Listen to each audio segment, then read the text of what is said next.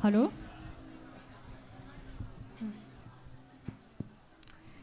Hei, alle sammen, og velkommen til uh, litteratur i Mummidalen. Eller uh, Mummidalen på blå. Det er helt fantastisk å se hvor mange som har kommet. Jeg håper ikke dere dør av hetetokk der inne. Uh, jeg skal være veldig kort og introdusere panelet. med oss har vi Jansson-ekspertene Maria Alming, som er forfatter og bibliotekar, og Janina Orlov, som er oversetter og universitetslektor ved Stockholms universitet.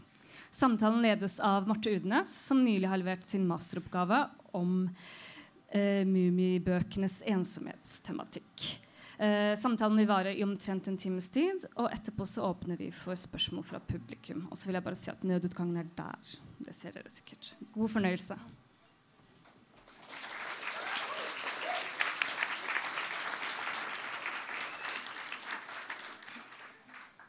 Det er veldig hyggelig å se så mange her. Eh, veldig hyggelig at dere ville være med, Janina og Marie, på denne samtalen. I kveld skal vi snakke om Mummibøkene. Eh, et litterært univers jeg så å si flytta inn for, i for eh, ca. et år siden, og som jeg sliter litt med å forlate. Før jeg gir ordet til Janina og Marie, eh, så vil jeg si noe kort, hvis jeg klarer å holde meg kort, vel å merke, om eh, Tove Jansson. For i dag så er jo Mummitrollene og alle de andre skapningene som lever i Mummidalen, så velkjente for flere av oss. Så etablerte som figurer, produkter, attraksjoner. At det kan være lett å glemme at det hele startet inni hodet på én kvinne. Eh, med ett forfatterskap, med den bokserien vi er her for å snakke om i dag. Det fantes jo ingen mimler eh, eller mumrikker, ingen hattifnatter, hemuler og filifjonker ingen mummitroll før Tove Jansson. Tove Marika Jansson ble født i Helsingfors den 9. august 1914. Eh, mammaen hennes var tegner og illustratør, og faren hennes var bildehugger. Tove fulgte mamma, i mammaens fotspor eh, og begynte tidlig med først og fremst tegning, men også skriving. Allerede som 14-åring ble hun publisert i Garm, et svensk-finsk eh, satirisk tidsskrift, der også moren jobbet. da. Uh, hun ble værende der og fikk harselere med å protestere mot det hun anså for å være kritikkverdige samfunnsforhold. Særlig under andre verdenskrig ble hun en veldig aktiv politisk tegner og skribent. Hun raljerte med Hitler, Stalin, nazismen, krig generelt. Og også med sensuren som andre verdenskrig medførte, og som hun også var underlagt. Eh, mange av tegningene hennes fra andre verdenskrig ble jo ikke publisert før i senere tid. En av hennes mest kjente forsideillustrasjoner fra Garm forestiller Hitler som et lite barn sittende omgitt av masse halvspiste desserter mens han skriker etter mer kake. Og det er jo et eksempel på hvordan hun brukte et barnlig naivistisk uttrykk for å fremme ganske sterke politiske meninger og protest. Hun brukte også mange fantasifigurer i de tidlige tegningene sine. Eh, I flere av disse illustrasjonene kan vi gjenkjenne variasjoner av de, noen av de figurene vi forbinder med Mummiuniverset i dag. Da. Og en liten figur med hale, lang nese og små, spisse ører ble etter hvert en permanent del av signaturen hennes. En figur til forveksling lik han vi kjenner som Mummitrollet. Og det var jo først og fremst Mummibøkene som gjorde Tove Jansson verdenskjent. Og ikke minst tegneseriene også. De skal vi ikke snakke så mye om i dag. eh, første Mummiboka, 'Småtrollene og den store oversvømmelsen', eh, ble påbegynt eh, helt i starten av krigen, men gitt ut i 1945. Deretter fulgte 'Kometen kommer'. Eh, kom ut i 1946. Her ble Snusmumrikken, Snorkfrøken og Snorken introdusert. Deretter fulgte 'Trollmannens hatt', 'Mummipappas memoarer', der Lille My kom inn i bildet, og 'Farlig midtsommer'. Dette er bøker som handler om livet til mummifamilien, deres venner, eh, alle utfluktene og eventyrene de reiser på, eh, og alle de mystiske, merkelige, katastrofale hendelsene som rammer den lille dalen. Deretter kom 'Trollvinter', eh, novellesamling 'Det usynlige barnet', 'Pappaen og havet', og til slutt, i 1970, ble bokserien avsluttet med 'Sent i november'. Etter det publiserte Tove Jansson først og fremst det man kaller eh, voksenbøker. Altså bøker myntet på voksne. Uh, frem til hun døde i 2001. Ja, da uh, kunne jeg sikkert fortsatt i timevis, men uh, det er på høy tid å gi ordet videre. Og først og fremst så er jeg nysgjerrig som, på hva som gjorde at dere valgte å ikke bare lese, men å studere og undersøke bøkene i såpass omfattende grad som det dere har gjort. Jeg kan begynne med Janine. Du sitter nærmest. Takk. Og takk for at jeg har fått komme hit til dette fantastiske stedet, som faktisk påminner til en viss del om Mummidalen, syns jeg. Ikke minst for denne bekken og floden som flyter her utenfor. Og sen når jeg kom hit, så ble det åskväder. Og det er jo også noe som Mummitrollen elsker, og som Tove Jansson elsker, og hennes pappa var helt fascinerad av. Men varför jag började med Muminböckerna det tedde sig ganska naturligt för att jag är född och uppvuxen i, Finland. Jag är finlandssvensk, precis som Tove Jansson var. Och eh, jag upp med de här böckerna för min mamma bruker läsa dem högt för mig och min bror på kvällen innan vi skulle sova. Så att de blev liksom en naturlig del av vårt liv. Och det gick så långt, vi har sommarställe ute i skärgården i Finland. Och det gick så långt att jag trodde liksom att det här Mumindal, att när de åker ut på sjön så det var precis som, som vi brukar göra med familjen och massor med människor som sprang hit och dit och mamma lagade mat och allt var lite hipp som happ. Så det, det, var liksom, för mig var det helt naturligt att jag skulle börja arbeta med Mumiböckerna. Men sen när jag hade skrivit min mastersuppsats så fick jag nog av dem och lämnade dem för tio år. För jag tyckte liksom aldrig mer om Mumintroll. Ända, ända tills jag fick en beställning att skriva en artikel för en tidskrift. Eh, och då började jag läsa om dem på nytt. Och sen dess, och det var 1992, och sen dess har jag läst dem kontinuerligt hela tiden. Och det underliga är att trots att jag tror att jag kan dem, så varje gång jag läser om så hittar jag någonting nytt. Och det tycker jag är makalöst. Så gick det. Veldig enig, enig med deg. Vi har, um, Marie, ja. ja vi har jo en familie som alltid har snakket mye om Mummitrollet. Det har liksom vært en tilstedeværelse. Men jeg vokste jo opp litt seinere, og med kanskje særlig denne um, japanske tegnefilmen som gikk på barne-TV. Uh, det var liksom uh, min Mummitroll veldig lenge. Mm. Fram til jeg på helt starten av ungdomsskolen leste sent i november. Eh, og jeg tror jeg hadde en idé om at eh, det ville være koselig å lese Mummitrollet fordi da var jeg i en sånn overgangsfase fra barneskole til ungdomsskole. Så da trengte jeg noe sånn ekstra trygghet. da. Um, men det var jo det motsatte jeg fikk. Fordi 'Sent i november' er den siste romanen som Tove Jansson skrev om mummitrollene. Og der er mummifamilien egentlig ganske fraværende.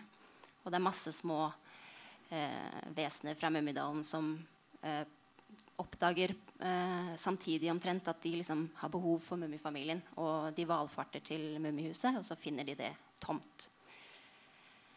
Og det ga meg en sånn her skikkelig uhyggelig følelse, husker jeg. Eh, da jeg leste på ungdomsskolen. Og det traff sikkert veldig riktig, da, siden jeg var i en sånn mellomfase mellom barn og voksen. Um, og så har jeg husket på det hele tiden siden. Og når jeg da skulle i sånn 2006-2007 velge tema for masteroppgave, så tenkte jeg at uh, i Mummitrollet der er det noe mer enn det vi kanskje umiddelbart tror. da. Mm. Uh, og så tenkte jeg jo at det ville være, når man skal fordype seg i noe og holde på med det i to år, så er det jo koselig å være i Mummidalen, tenkte jeg. Veldig. Og det var det også. Ja. Selv om det var uhyggelig. Du er inne på det uhyggelige. Og det vet jeg. Det har veldig mange sagt til meg når jeg forteller at jeg jobber med Mummitrollen eller Mummibøkene. At å, men det er jo så skummelt, det er så mye nifs, det er så mye ubehagelig. Og du skrev jo bl.a. i din masteromgave om det eskapistiske.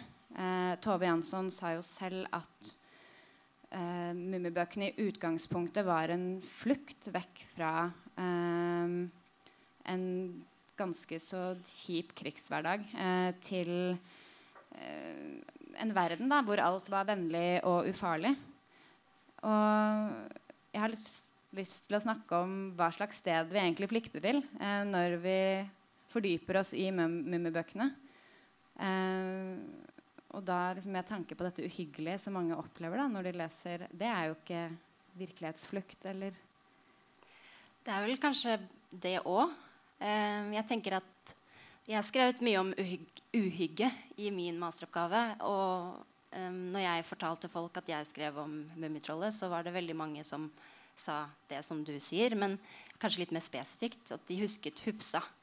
Og hun var så skummel. Um, og det var den ene tingen jeg fikk høre liksom, igjen og igjen. og igjen. Uh, nå fikk jeg ikke plass til å skrive så mye om Hufsa i masteroppgaven min. Men jeg har uh, tenkt mye på henne etterpå og skrevet litt om henne etterpå. Um, og særlig fordi at det er veldig lite i selve romanene, da, altså disse, disse, bøkene her, som på en måte gir oss noe grunn til å være redd for Hufsa. Så jeg tenker det må være noe annet ved, ved henne som gjør at uh, vi blir redd for henne. Uh, det kan vi jo kanskje komme tilbake til. Men det som er eskapistisk med Mummidalen, er vel kanskje det at det er eh, veldig trygt å være i et sted hvor man på en måte snakker om Mummitroll og filifjonker som om de ikke er helt representanter for oss selv, men vi kan kjenne oss igjen i dem. Og da, hvis vi opplever noe skummelt der, så går det på en måte an å, alltid sånn å legge det litt fra seg. Uh, og si at ja, men ok, det var i Mummidalen. Og der er det litt, litt, enklere. Alt er litt enklere der enn i vår egen verden. Men eh, det er vel Tove Jansson som har sagt at som utgangspunkt så det var vel liksom kald krig, og det var liksom rett etter annen verdenskrig at hun følte at hun måtte eh, skape en litt sånn hyggelig fantasiverden å gå inn i. Og så har hun vel Det begynner kanskje veldig sånn sagaaktig og veldig ufarlig, og så blir det mer og mer eh, psykologisk dybde i det. da. eh, hvert fall sånn som jeg leser det. Vi kan jo for de som er i tvil om hvor flott det er i Mummidalen, i hvert fall i de første bøkene, så har jeg et lite sitat når Mummitrollet skal fortelle Snorkfrøken om dalen. Fortell om Mummidalen, ber Snorkfrøken eh, Mummitrollet om. Det er en dal der man kjenner seg helt trygg, fortalte trollet. Man er glad fra man våkner, og det er trivelig å sovne på kvelden. Det fins et klatretre som jeg skal bygge et hus i, og en helt hemmelig plass som jeg skal vise deg. Mamma har lagt konkyler rundt alle blomsterbedene, og det er alltid solskinn på verandaen. Der lukter det godt. Eh, Janina, du har bl.a. omtalt de tidlige bøkenes framstilling av Mummidalen som et romantisk bilde på en uskyldig barndom. Det er jo ikke vanskelig å skjønne det, men kan du utdype litt mer? Ja, jag, när, jag, när jag läste om det här, vad du hade skrivit om det här med det här som jag har sagt, så tänkte jag att va, har jag sagt på det där sättet? Att jag kan inte ha varit riktigt klok, men jag vet, jag vet nog hur jag har tänkt och det är ju det att, att det där, eh, vår syn på barn idag, i dagens samhälle så bygger på romantikens barnuppfattning. Det här om barnet som någonting oskyldigt, någonting harmlöst, någonting som har rätt till frihet och lek och spel och så vidare. Och dessutom förknippar liksom romantiken sommarens årstid med barndom. Och det är ju precis det Tove Jansson gör i de här tidigare böckerna. Men jag skulle vilja tillägga det att om jag får, det här vad gäller eskapism, så eskapism behöver ju inte vara någonting negativt.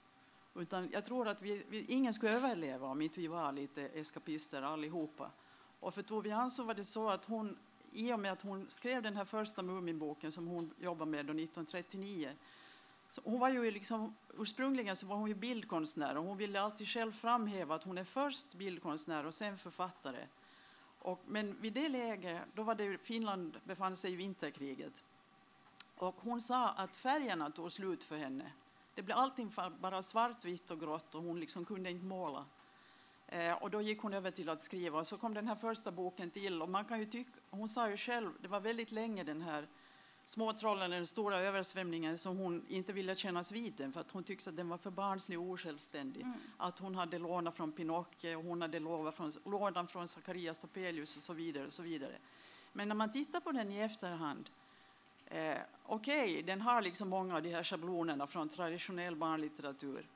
Men det handlar ju faktiskt om någonting hemskt. Det är en familjetragedi. Det är en familj som har splittrats. Det är mamma och hennes son som söker efter pappan som har försvunnit i den stora flodvågen. Och det är klart att det ekar av kriget. Så att liksom det här eh, det skrämmande finns med där också. Sen måste jag fråga, är hyfsande det morrande?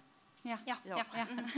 För att hon är ju en jätteintelligent, eller vad heter det, intressant gestalt Mm. gjennomgående, genomgående, som har att göra just med det som, eh, som är ett hot. Och som Tove Jansson också är inne på, det här med hotet utan namn. Att det vi inte, så fort vi får ett namn på någonting så blir det tryggt då är liksom, känner vi oss väl tillfreds. Morran har ett namn, det har hon, men samtidigt så representerar hon, Morran finns i alla oss. Nu ska vi inte gå händelserna i förväg. så det där, nej, men det här med romantiken, det är klart, det finns ju mycket romantik i Muminböckerna. Eh, och det är liksom, representerar en romantisk barnsyn, men, men det, där, det är mycket, mycket mer än så. Så att det där ska vi inte ta så allvarligt, det här med romantiken. Nej, okay. eh, la oss snakke om Hufsa. Nå har begge dere vært innom henne, og jeg tror ikke vi kommer utenom eh, Eller Morran, da, som hun heter på svensk. Uh, hun har jo litt også med endringen av uh, Mummibøkene å gjøre. Eller den eh, sånn endringen som skjer ca. rundt Farlig midtsommer, trollvinter. Eh, hun introduseres vel, og arresterer meg hvis jeg sier feil, i eh, Trollmannens hatt. Med Tofsla og Vifsla som kommer med den røde bilen. Og um, er veldig redd for uh, Hufsa, som har lyst til å ta den fra henne. Og de barrikaderer seg inne i Mummihuset. Ser på Hufsa innenfra, og så ser de at hun, hun var jo ikke så stor likevel. Ikke så, ikke så farlig. Hun nevnes også i Mummipappas memoarer, og de er jo redd for å bli drept av henne. Eh, men hun står jo bare der. Hun gjør jo egentlig ikke en flue for tredd. Så hvorfor er vi så innmari redd for henne? Eh, altså det med Mummipappa er jo litt eh, interessant, for han er vel den som kanskje har lyst til å spille opp Hufsa som den store trusselen, særlig i disse memoarene. Han har jo lyst til å være en sånn forsørger og en som passer på familien sin. Og det kommer jo veldig klart fram i 'Pappaen og havet' særlig. Eh, og der er han også, hvis man ser på hans beskrivelser av Hufsa, så er han på en måte veldig opptatt av at hun skal være en trussel. Fordi da trenger familien noen som kan beskytte seg. Og det i Trollmannshatt så er vel han den som er klar med liksom, geværet og skal forsvare familien mot Hufsa. Em, men hun i Trollmannens hatt hun står jo bare utenfor huset, helt stille. Uh, hun har jo veldig lite språk, og så blir det beskrevet at hun har dette opp-ned-smilet. Bare disse tennene. Dere som har sett henne, kanskje ser det for dere. Um, og så står hun bare der, og så er det ingen som vet helt hva hun vil. Uh, og jeg tror at det, det er det som er skummelt med Hufsa, er at hun har den språkløsheten og er en sånn eh, altså Som du snakket om, en trussel som man ikke helt har helt ord på. Man, hun, man vet ikke helt hva hun vil. Eh, Tufsla Visla sier at hun vil ha rubinen. Eh, hun sier vel på et eller annet tidspunkt at den var hennes først. Eh, og så blir det en litt festlig rettssak ut av det. og sånn. Um, men eh, hvis man leser de seinere bøkene, sånn som i, i 'Trollvinter', så er det vel Totiki som sier at eh, Hufsa kommer, det er et bål, og så kommer Hufsa og setter seg på det. Og da slukker jo bålet. Eh, og så tenker Mummitrollet ja, men det var jo skikkelig dårlig gjort å drive og slukke bålet eh, på den måten. Men Totik er litt klokere da, og så tror at Hufsa bare prøver å varme seg. Og det er vel kanskje litt av liksom, eh, kjernen her. Em, at når eh, eh, vi til slutt møter Hufsa i 'Pappaen og havet', så er hun på jakt etter stormlykten, virker det som. Men når Mummitrollet til slutt møter henne, kommer med stormlukten og på en måte sier 'OK, du skal få den', eh, så er hun ikke interessert i stormlukten. Og da er hun også tint. Em, så, så man kan lese det som at eh, Hufsa er en eh, veldig ensom karakter som egentlig bare er på jakt etter kjærlighet. Og det er vel noe som vi på en måte kjenner igjen kanskje mange av oss innimellom eller flere ganger i løpet av livet. At man har vært den ensomme eller den som står utenfor og bare vil være med. Eh, dessverre så er vi veldig redd for ensomhet fra andre. At det skal smitte. Eh, så sånn sett så tror jeg Tove Jansson har skrevet liksom veldig godt om det å være ensom, og hvordan samfunnet ser på ensomme mennesker. Da. Og du har jo skrevet om Eller vil du tilføye noe før jeg ja, Jeg tenkte å si Det er presis som du sier, syns jeg, at uh, morgon er jo egentlig ensomheten personifierad. Eh, och det är också intressant att se hur de, tal, alltså de olika gestalterna hur de talar om morgonen, hur de mm. nämner henne. För eh, i Pappan och havet, när de är på väg ut till ön, så frågar frågar Mumintrollet av Muminmamman vill veta mer om morgonen, vad är hon för en och så där. Och så säger Muminmamman så här att uh, ungefär att, att hon är så där som ett oväntat regn eller en sten som man måste gå runt för att komma vidare. Att inte liksom, nu pratar, ungefär nu pratar vi om något annat, vill du ha kaffe? Och det betyder att, att liksom morgon finns i oss alla, precis som du sa. Eh, vi har alla en morgon i oss. Eh, och när jag var inne tidigare på det här med hotet utan namn, eh, det just, just har att göra med det här spelet mellan mörker och ljus. Och hotet utan namn finns i mörkret. Hotet utan namn ser jag som morran för Muminvarelserna. Därför de vet ju inte att Tove Jansson har hittat på ett begrepp som hotet utan namn. Så på deras hot finns det ett namn och det är morran. Och hon finns till och med i deras förbannelser. Hon säger det var förmorrat. Eller akta dig så kommer morran och tar dig och så vidare. Så att, och det här då när, det här med lyktan som du var inne på också så. Det är ju faktiskt så att sista gången när han kommer med lyktan så lyser den inte längre. För att fotogenen har tagit slut. Men, men hon kommer i alla fall. Så jag brukar säga att, att det där, eh, vad Mumintrollet gör är att han frostar av morran. Morran är som ett kylskåp. Men i och med att han, för hon vill ju bara till ljuset, hon vill vara en del i gemenskapen. Och hon sitter alltid precis utanför ljuskäglan. Och när hon äntligen får ljus, då, liksom, då är hela den här problematiken löst. Och en annan sak med Morran, man kan också se henne som Mumimammans mörka sida. Mumimammans andra sida. För att om ni ser på morgonen hur hennes siluett ser ut så ser hon ut som en dubbel Mumimamma. Om ni tänker det. Så lite om, om det. Det vil jeg høre mer om. Mumimammas mørke side. Mörka sida ja. ja. Eller andra sidan, alltså den här negativa sidan. Ja. Allt, för eh, Mumimam, eller morgonen är allt det som Mumimamman inte är. Det vill säga kall och frånstötande. tenker jeg. Og Mummimamma eh, får vel også en slags sånn Hun har jo også en slags krise i, i 'Pappaen og havet'. Eh, med å liksom eh, kanskje redefinere mammarollen. Og hvis vi tenker på en ikonisk mamma, så er det jo på måte, mange måter Mummimamma. Men hun har jo gjennom å bare være mamma, så mister hun seg selv litt. Så jeg tror det Tove Jansson har vel dedikert den 'Pappaen og havet' også til én mamma.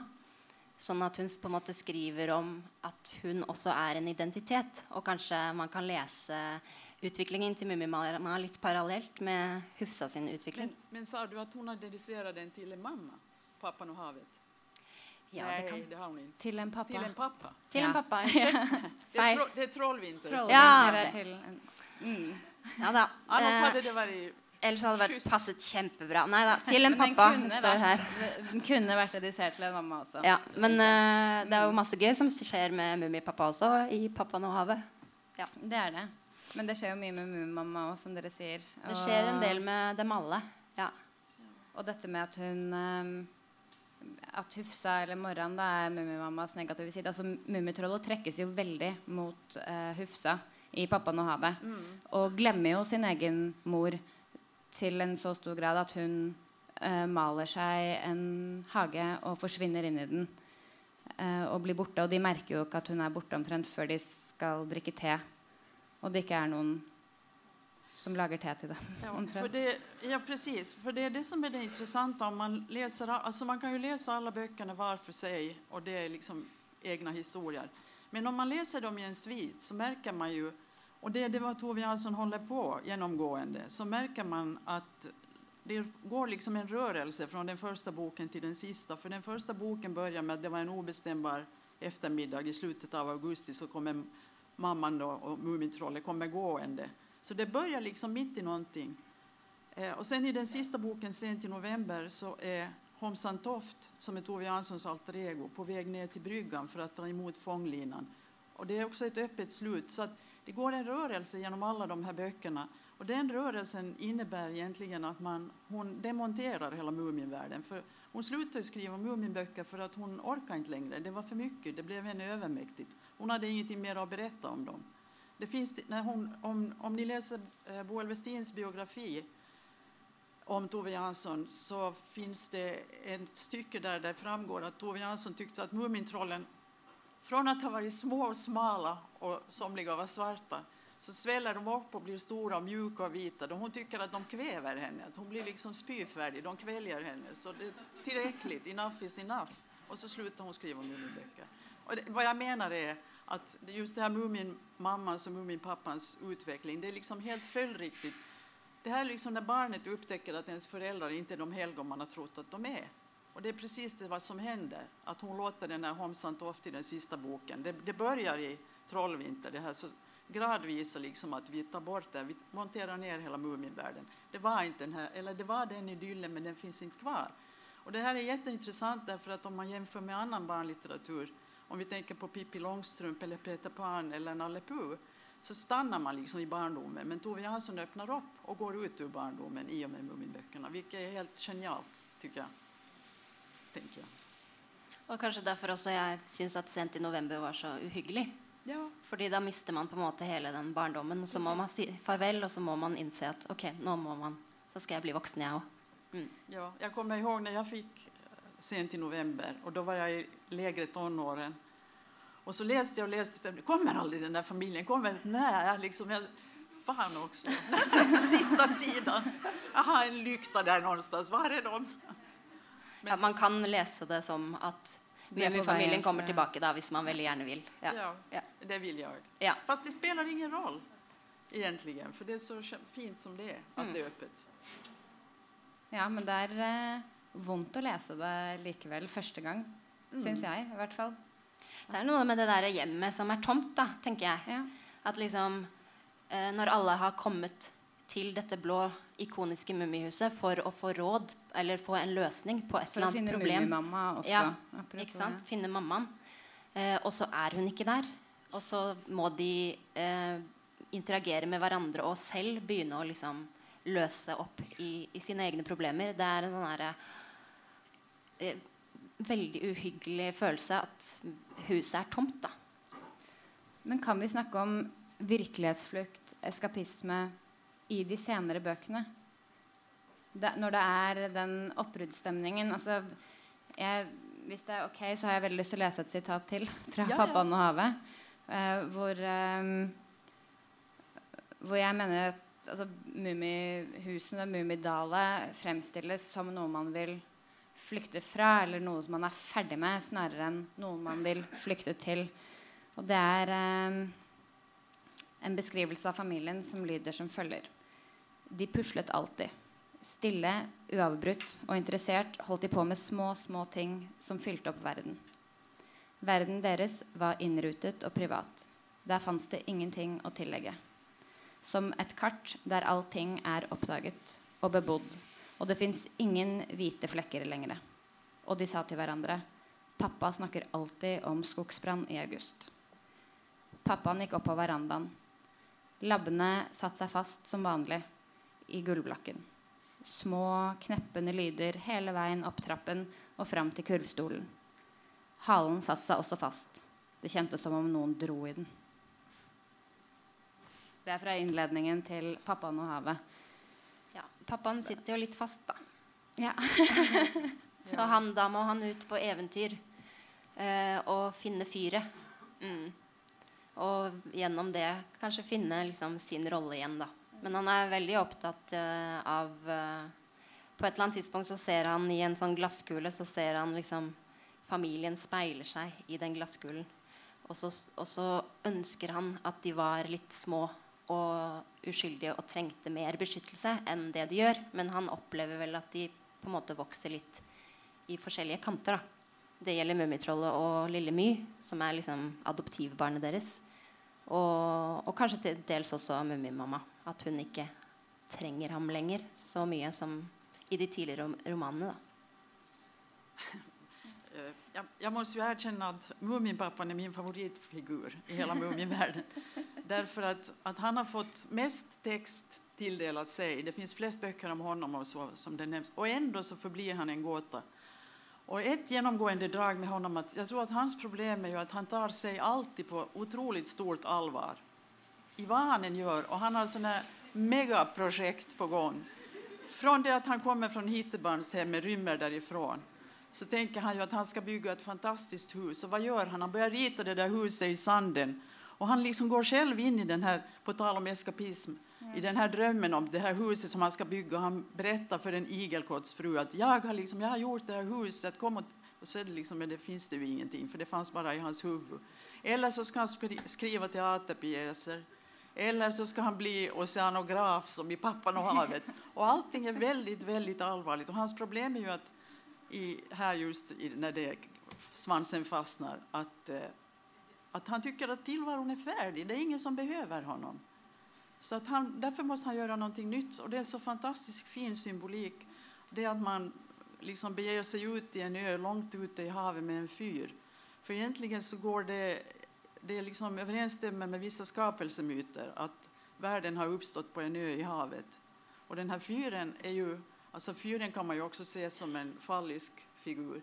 Alltså för att när balansen återfås i tillvaron när han har blivit liksom kommit underfund med att han kan inte regera över havet utan havet har sina egna lagar. Och när liksom balansen återskapas i tillvaron, då lyser fyren.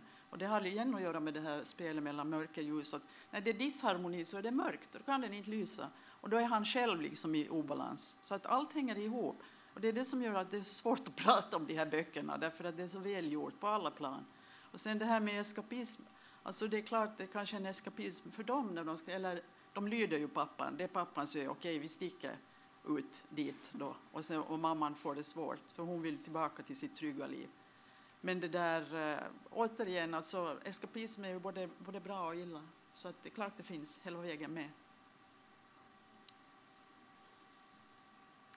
Vad tänker dere om barneleseren? Vi snakket jo litt om det ute i sted, men hvor eh, forlate Jansson barneleseren? Har hun noensinne brydd seg om barneleseren? Og spiller det egentlig noen rolle, som du sa, Janina, i stad? Jeg tror hun har sagt eh, omtalt liksom, leseren hvis hun skriver til noen, så var det et skrutt eller et eller annet sånt merkelig ord. Ja, som bare litt sånn Tove Janssonsk ord. Eh, så jeg vet ikke hva, hva dette skruttet er, men det er liksom en som strever litt. da Eh, har jeg tolket det som. Eller det virker som hun beskriver.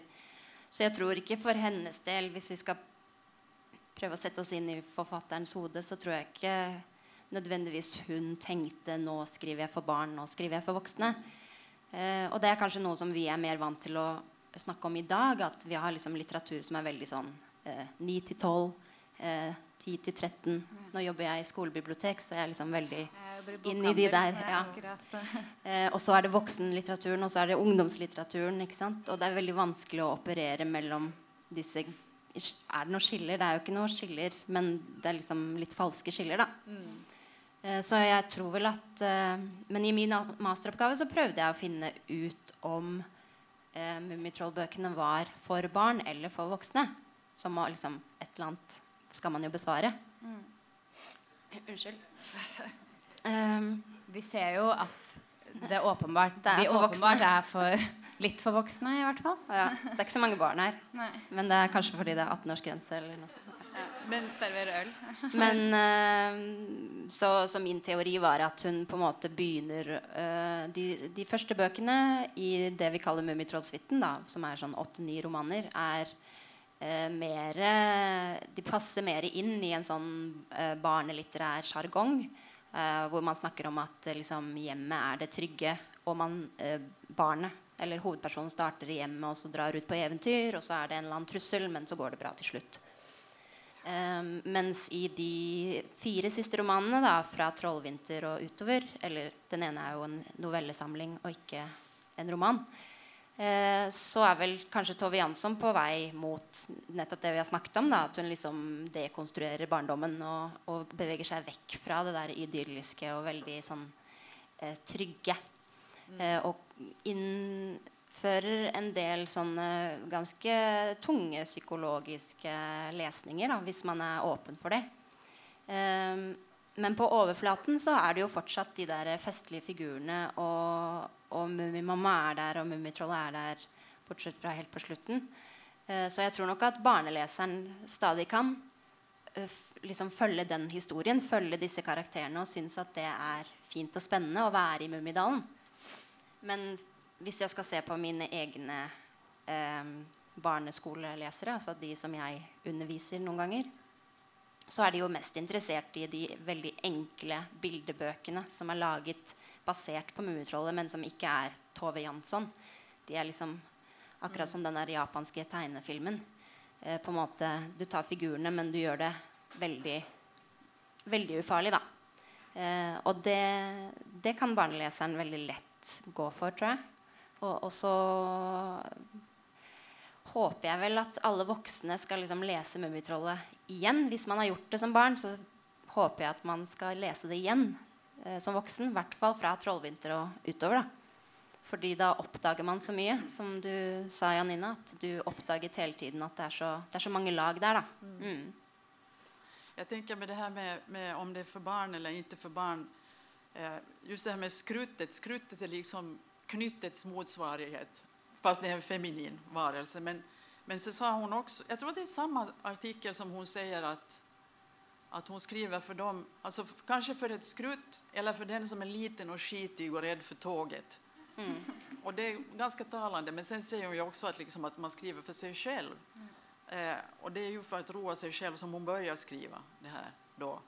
Men sen en annan sak som eftersom det är så liksom språkligt bearbetat så fint så jag tycker att liksom man ska läsa de här böckerna högt. Inte bara bilderböckerna utan alla Muminböcker högt. För det är ett fantastiskt språk. Och det blir mycket mer levande. Och, och sen kan man ju testa liksom om att läsa Pappan och havet för ett barn om man läser högt. Det kanske barnen inte alls vill höra på det men, men det spelar ingen roll utan det här är något som alla kan använda sig av. Eh, och sen sa hon ju nog faktiskt själv också, det finns i hennes eh, dagboksanteckningar att de här senare Muminböckerna kanske nu inte direkt vänder sig till barn. Men det där, å andra sidan så alla har barn i sig, så det är lite komplicerat det här var man drar gränserna, precis som ja. du sa. Och det kan ju också, jag brukar inom parentes, jag brukar reta mig på de här åldersbestämningarna med liksom 9 till 12, för alla 9 till 12-åringar är ju inte identiska. Nej. Så att, jag vet inte. De, de funker veldig sjelden å bruke i praksis, i hvert fall. Ja. Synes jeg. Eh, vi har snakket litt om ja, den overflaten Um, uh, det fantastiske. Altså disse utrolige figurene som Tove Jansson har lagd. Og denne dalen som hun også har funnet på selv. Um, at det kanskje er noe som barn i større grad fester seg ved. Og en grunn til at illustrasjonene blir brukt i så mange bøker der teksten byttes ut. Men hva er det Hvis vi pirker litt borti dette fantastiske og denne overflaten, finner vi Vi finner jo mye bak, vi, eh, vi voksne. Og ser barn dette også? Er det et eller annet Vi var jo så vidt inne på det med Hufsa, tenker jeg. Sånn i forhold til denne trusselen. Altså, veldig mange barn oppfatter jo Hufsa som skummel. Så de tolker henne på en måte riktig. Mm. Eh, og så vet jeg også at eh, disse mummifigurene brukes jo mye i eh, terapi for barn. Fordi at det er lettere å på en måte snakke om uh, Lille My og, og Mummitrollet enn å snakke om seg selv. Og kanskje særlig for barn, men også for voksne. At det er liksom lettere å, å, si at ja, men jeg skulle ønske jeg var mer som Mummipappa, eller jeg føler meg som en filifjonk. Men istedenfor å si at å, nå er det bare kaos innvendig. Um, Uh, som kanskje også gjør at de er blitt så salgbare, disse figurene. At de er, det er liksom perfekt for å ta sånn test. Sånn 'Hvem er du i Mummidalen?' Føler jeg. Ja, og vi tøyset jo mye med det da jeg skrev master. Altså med de andre som jeg skrev master med. ikke sant? 'Hvem er du i Mummidalen?' Og hvordan, 'Hvem føler du deg som?' Og 'Hvem skulle du ønske du var?' Og sånn. Alle har en favorittkopp. Ja. Um, men um, men jeg, synes, men jeg, har hørt at uh, og det synes jeg var veldig interessant, at barnepsykologer bruker aktivt liksom, disse figurene da, Og det er vel noe av det som Tove Jansson har gjort så bra, er jo at hun har laget noen sånne arketyper, kalles det jo gjerne. ikke sant? De er ikke helt menneskelige. De er ikke dyr, men de er liksom et eller annet som vi kan speile oss litt i. Og så kan vi kanskje se oss selv bedre gjennom de typene, da.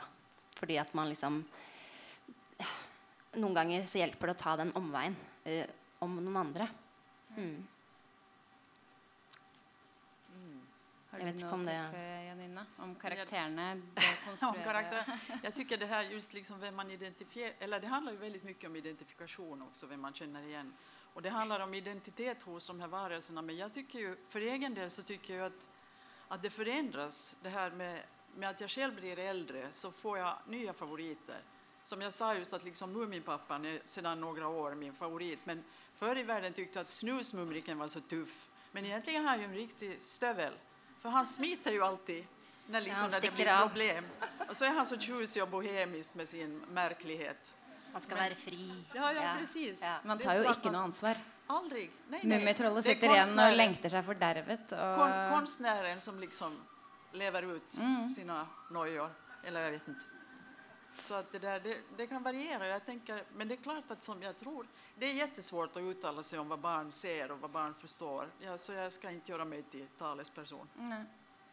Men det er jo eh, kanskje det at Sove Jansson sa at hun var jo illustratør først. Mm -hmm. Og det har jeg tenkt litt på. at hun, fordi at det man leser i tekstene hennes, er at hun er jo veldig god til å se. Absolutt. Hun er utrolig god på å observere. Og jeg tror liksom at illustratøren kommer fram i tekstene fordi hun har, liksom, hun har sett noe rundt omkring i verden. ikke sant? Ja. I sin egen familie, i relasjonen hun har til andre mennesker, hvordan vi oppfører oss. Og så har hun klart å liksom forenkle det litt. Og så men også samtidig gjøre det veldig komplisert da, i denne verden. Ja. Uh, og da tror jeg liksom at det er illustratøren Tove som er um, den geniale, da, kanskje. Mm. Ja, At hun har et veldig visuelt språk. Hun har et veldig godt blikk. Mm. Ja, det har hun. Jeg bruker tenke at hun er egentlig tvåspråkig, tekst og bild. Ja. At hun, hun liksom, man kan lese bilden, og, og, og teksten blir som en bild. Men, og Derfor er det interessant når hun overgår til såkalt voksenlitteratur, at illustrasjonene kommer bort. Och då kan man fundera, att, vad kommer istället? Kommer det någonting istället? Det ska vi kanske göra här nu. Men, det blir neste samtale. ja. ja, neste samtale. ja. Eh, jeg tenker sånn, altså Fantasien som et grep for å kamuflere virkeligheten. Altså det å bruke fantastiske skapninger for å kamuflere eh, f.eks. Filifjonka, som jo åpenbart er svært nevrotisk og stressa, stressa Ikke menneske, men skapning. Eh, det usynlige barnet som vokser opp med en uh, fæl tante og blir usynlig. Eh, er Bruker Tove Jansson fantasien kun for å kamuflere virkeligheten, tenker dere? Eller hvordan bruker henne fantasien? Jeg, jeg, vet, jeg tenker at, at det her med fantasi At det er som et språk. Mm. At det som hun vil skildra kan ikke skildras på et annet sätt enn just gjennom de her figurene. Jeg skulle ikke si at det er et kamuflasje, utan mm. det er liksom et medel snarare. Det är som att använda en viss färg för att få fram någonting. Så då är mumindjuren, mumintrollen eller mumifigurerna är liksom hennes palett ja. som hon använder. Så jag, jag, tänker inte att det är konstigare än så. Jag, tenker at uh, Altså uh, om vi kan kalle det fantasi, eller så er det jo en sjanger som heter fantasy, som er liksom veldig uh, populær i disse dager. Nå så jeg nettopp siste episode av Game of Thrones i går. Og liksom, for jeg har tenkt litt på hvorfor vi, vi blir jo så opphengt i disse fantastiske verdenene. Ikke bare i Mummidalen, men liksom Harry Potter, Game of Thrones, Ringenes herre. Ikke sant? De, det, blir, eh, det, blir, debatter av det, det blir eh, svære fanskarer. Folk kler seg ut, folk går til innkjøp av diverse greier. Eh, man lever seg veldig inn i de verdenene. Eh, så jeg tror at eh, det å liksom gå til fantasien er liksom en veldig sånn naturlig del for mennesker. At vi mm. liker å ha det derre om det, kan man kalle det flukt, eller bare liksom et annet sted å være. Da. Men også at det kan hjelpe oss å se på vårt egen verden på en annen måte. Um, at det ikke trenger å være liksom bare negativt, da, som har blitt nevnt her, men at det også er på en måte en helt sånn vi må ha fantasien for å kunne overleve, rett og slett. Mm. Eh, Absolutt. Ja. Ja, Nå skal ikke jeg dra flere paralleller til Game of Thrones, for det er bare noe jeg tenkte på i går. Vi trenger kanskje Mummitrollene mer enn Game of Thrones for å overleve. er det noen som er med på den debatten? Måste man ställa dem mot hverandre? Nei. Ikke Nei, det det er- hele tatt. Det er kanskje litt rart, men det er jo interessant å se at liksom Mummitrollfigurene, i hvert fall i den skandinaviske verden, er jo liksom ble skapt uh, først i, liksom, rett etter krigen, eller i bokform. da. Og så sitter vi fortsatt her og snakker om dem. Og de er uh, veldig godt kjent. Man kan bruke dem som et referanseverktøy. Man kan alltid si til de aller fleste liksom, snakke om Hufsa eller snakke om Mummitrollet. Um, og det er jo Jeg klarer liksom ikke se for meg noe barnelitteratur fra i dag som skal være så relevant om 50 år. da. Så det er jo også veldig interessant hva er det ved Tove Janssons Mummidalen som har klart å bevare Det føles som at det er fortsatt relevant, at vi fortsatt kan knytte oss på disse knaggene som hun presenterer. Og det er jo kanskje nettopp fordi hun har skapt en fantasiverden som ikke er Det er ikke noen mobiltelefoner der, det er ikke noe um, Det er ikke noe teknologi. Nei. Det er liksom ikke Man kan ikke skrive en samtidsroman og få den til å fungere like godt da, om 70 år. på en måte. Men der klarer, hvis du skaper den der fantasiverden, så er den litt utenfor tiden. Og kanskje det gjør at vi kan fortsatt snakke om Mummitrollet i dag. Sikkert. Jeg vil bare tillegge, eller när du, alltså det här att, Mumin, att man kan liksom referera till Muminvärlden. Och det är alldeles sant. Och i Finland är Muminvärlden så etablerad att det till och med liksom finns talesätt om Mumintrollen. Det finns, jag vet, det finns säkert på norska att man, någon som inte är riktigt smart så ser man att, att där är inte alla knivar i lådan. Eller alla hästar är inte hemma. Men i Finland, kan, men i Finland så kan man säga att ja, ja, han har inte alla troll i dalen. Det faktiskt används. Så, att så, så etablert er liksom det her medvetandet om mumieverdenen. Ja, og Nå vet jo ikke jeg hvordan det er andre steder. Vi vet jo at Japan er veldig sånn Ja. omfavnet det. Men, men kanskje mer det visuelle. USA er ikke, er ikke grepet av noe USA ikke, nei, men jeg vet at det er oversatt til engelsk i hvert fall, da, disse Ja, bøkene. Og Engel, England er jo med for der kom de her tegnede seriene også redan på 50-tallet. Men inte det, det, det varierer. Men det er som med Pippi Långstrump. Alle tror at Pippi Långstrump er jättepop i hele verden, men så er det inte. Nu vågar jag inte säga mer. Konkurrens. Eh, jeg tenker vi skal begynne å avrunde. Og vi har vært eh, litt inne på det nå, men så, sånn, vi ser jo eh, Vi ser jo hvor populære Mummibøkene er. Eh, det var jo kø rundt hjørnet her eh, før i dag. Em, og vi ser hvordan det åpner mummikafeer i Tokyo og Mummibutikken i Finland eh, eller i Helsingfors eh, har jeg vært i. Det er smekkfullt av voksne. Eh, hva tenker dere? Vi har jo vært inne på det, men hvis dere skal oppsummere eller gi noen avsluttende ord om hvorfor vi i de fleste av oss, i hvert fall voksen alder, vi klarer jo ikke å gi slipp på det. Er det nostalgi? Er det, er det noe mer? Skal jeg begynne? Ja.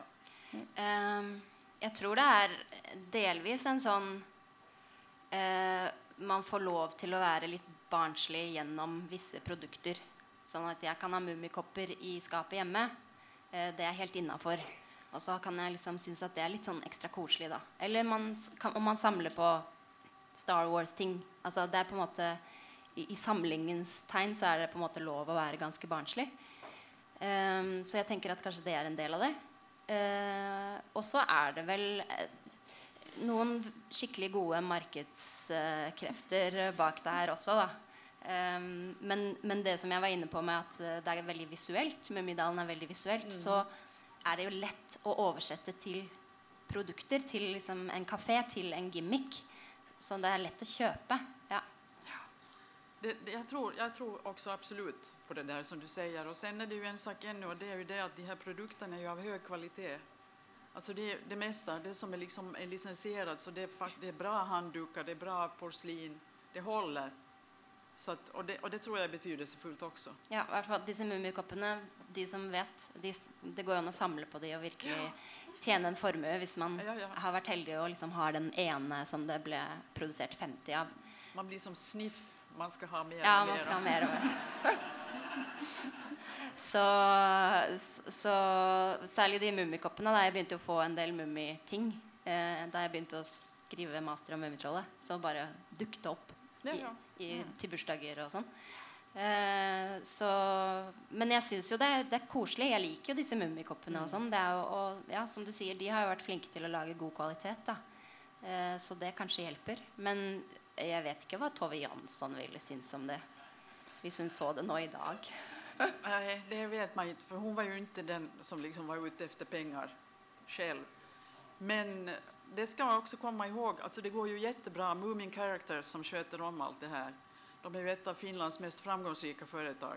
Det finns inte så många i Finland. men, men det där, uh, de idkar också välgörenhet. Så de har ju byggt ett barnsjukhus och de uh, liksom understöder kvinnorörelse och så vidare. Så att det är inte bara så där att de sitter som någon som sniff på ett mm. berg av pengar. Att, uh, så att det är ju men det är svårt att säga. Vi vet ju inte vad hon hade tyckt. Hun er vel glad at det går bra, kan jeg tenke meg. Men det er jo um, Jeg tror jo at kanskje mange på en måte Ok, de har sett Mummitrollet på en kopp eller Filifjonka på en kopp, men de, kanskje, de, vet kanskje ikke liksom alt det som ligger bak. Ikke sant? Hva er, en, hva er Filifjonka egentlig for Tove Jansson, eller i, enten i tegneseriene eller i de bøkene? Så, så, det er jo et lett gjenkjennelig bilde.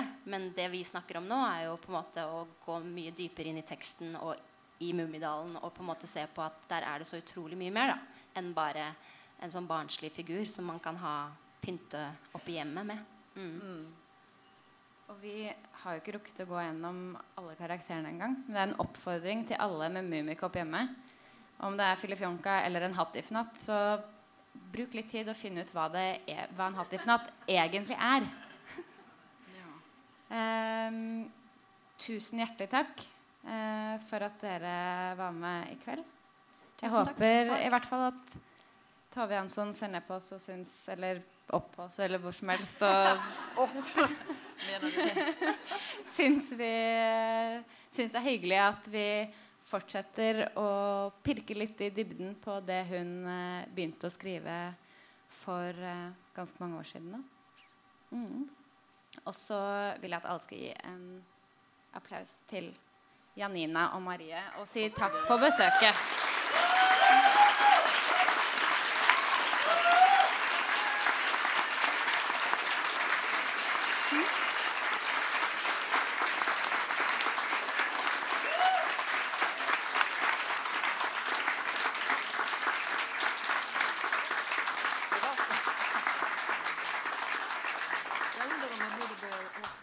tror dere er sultefòret på Mummitrollet, egentlig. Dere, Vil dere ha en liten spørsmålsrunde fra salen, eller er det Det er vel Janina som har dårligst tid? Yes. Ja, jeg, måste, jeg, tror jeg må åke. Ja. Hun har et fly som går om to timer. Um, men, uh, Hvis det er noen som er veldig kjappe på å stille spørsmål, kanskje, ja. kan de rope det ut. Skal vi se, Da var det en som var veldig kjapp.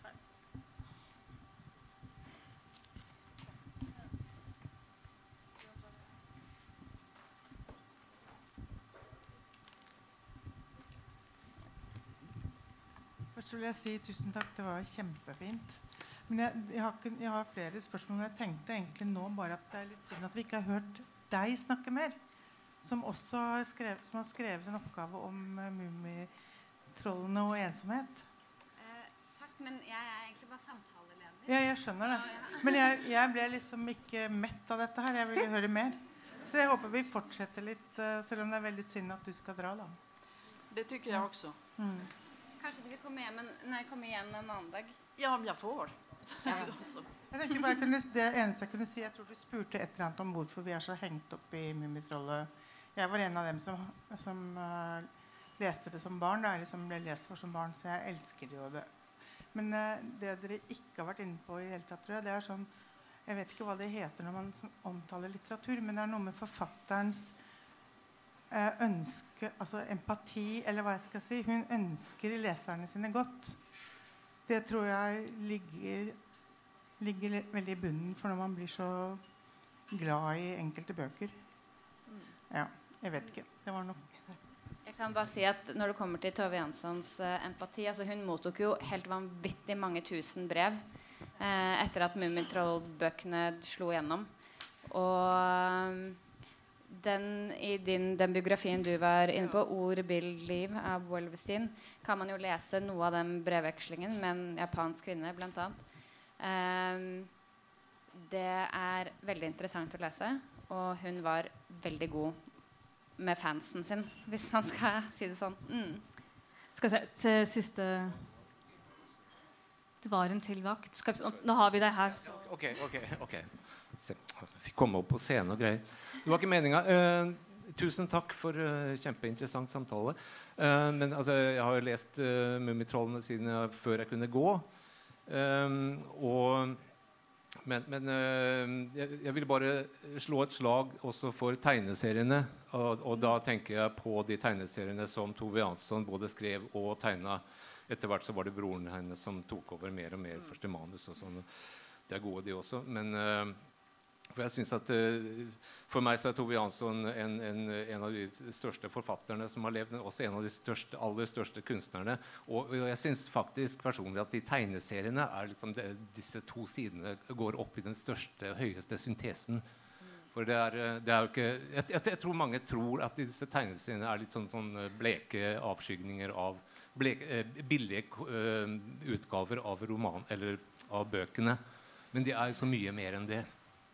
Så jeg vil anbefale alle å sjekke ut tegneseriene hvis dere ikke har lest dem. Og de er fantastisk morsomme og kloke. og i det hele tatt. Ja, takk for det. Ja, det er mye satire, politisk satire i de tegneseriene som på en måte ikke kommer så godt fram i barnelitteraturen. Eller, ja. Mm. ja. de står på egen hånd, tenker ja. jeg. Jo, jo, mm. Selv om de har med karakterene. Men du får jo se Snorkfrøken i bikini og sånn. Det er jo litt, litt uh, Annerledes. Og for de som er interessert i disse koppene, da, som vi snakket om, så er det veldig mange av de eh, illustrasjonene Precis. som havner på koppene, er fra tegneseriene og ikke romanene. Ja. Det stemmer. Ja. Nå må du løpe. Du skal få løpe. Så du skal få en pause til.